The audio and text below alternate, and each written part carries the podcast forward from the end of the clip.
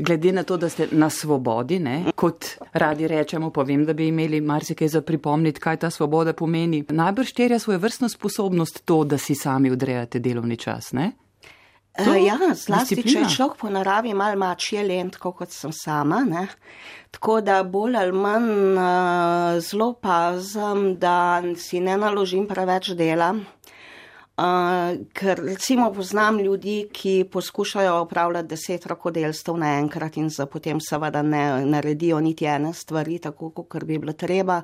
Tako da se zelo pazim, da ne bi pravzaprav uh, podlegla tem pritiskom in si rajši na krožnik naložim manj pa dvakrat, uh, kot da bi si, ne vem, za eno brok prvoščila ne vem kaj. Ne je pa seveda pri tem mi v veliko pomoč eh, slovenska davčna zakonodaja, ki pravzaprav postavlja zelo, zelo nizko mejo tega, koliko sme človek na svobodi eh, zaslužiti v letu dni, da ne bi postal zavezanec za davek na dodano vrednost. Ne? Tako da eh, je na nek način, na nek način država s tem, s to mejo izredno nizko postavljeno, daje potuho nam le nobam, hvala ji.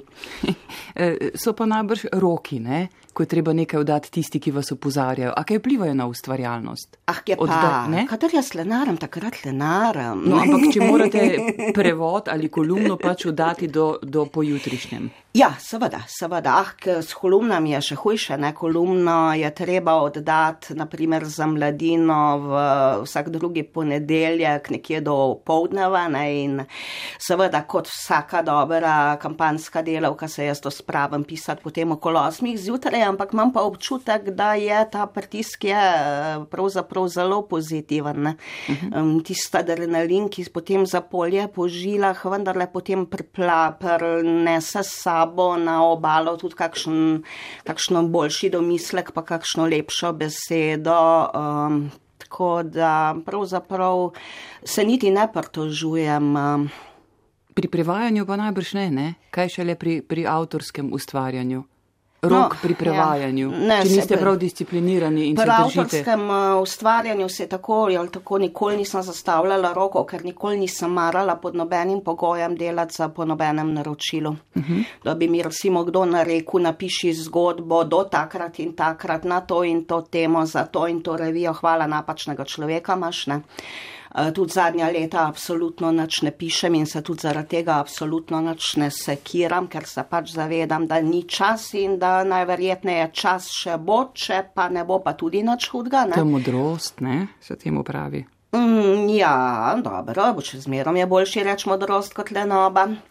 Uh, Pri prevajanju pa bolj ali manj delam po tem istem sistemu, kot sem delala recimo med študijem. Rajši začnem malo prej, pa potem zadnje dneve eh, ko pravzaprav postaja napeto, er, si rajši takrat podredim malo manj dela, kot da bi čakala do zadnjega trenutka, pa poj hitela. Uh mhm. -huh. Ker kadar delam, delam izredno skoncentrirano in uh, se seveda zaradi te više stopne koncentracije hitreje utrudim, ne tako da si absolutno ne predstavljam, da bi tako kot nekatere prevajalke, ne, tik pred zdajci in prevajalci seveda delala recimo po 12 ali več ur na dan. Ne. Preprosto jaz to skregano z mojo svojo mačjo naravo. Ne. E, mački spijo tako, ja, svojih 20 ur na dan, jaz pa tudi. Ne. Poplava prevajalcev ja, je preveč, v, v Sloveniji. Prav jih je veliko, so če dalje bolj redki tisti, ki so dobri. Ja. Ni treba, da poznaš izvirnik in veš, da jim, če drugega ne, slovenščina peša. Ne? Eh, obupno peša. So nekatere založbe, ki izdajo ogromne količine knjig, večinoma tudi v žepni izdaji ali celo samo izključno v žepni izdaji, kjer se recimo povampirijo in vzamejo interesantne avtorje, interesantne knjižne naslove. Potem vzamejo pa recimo neizkušenega ali pa nekvalitetnega prevajalca. A so bolj poceni ti prevajalci? Točno tako, ne, ker, za tak, ker za tak honorar, ker ga recimo vsaj dve veliki založbi v Sloveniji dajata eh, svojim eh, prevajalcem, jaz niti iz postelje ne bi ostala. Ker eh, nimam namena svojim poklicnim kolegom pljuvati v skledo s tem, da sprejemam nižje tarife. Ne. In seveda rezultat tega, da eh, pač nekdo eh, dela za manj denarja, je ta, da mora delati hitreje, če želi preživeti. Eh, morda tudi glede na to, da ni toliko izkušen ali pa toliko veš posla, je potem. Eh, knjiga Živa katastrofa, ne? kar je seveda na nek način uh, grozen za založbo, grozen za bravca in ne vem, zakaj tega nikoli nihče ne vzame v ozir grozen do avtorja.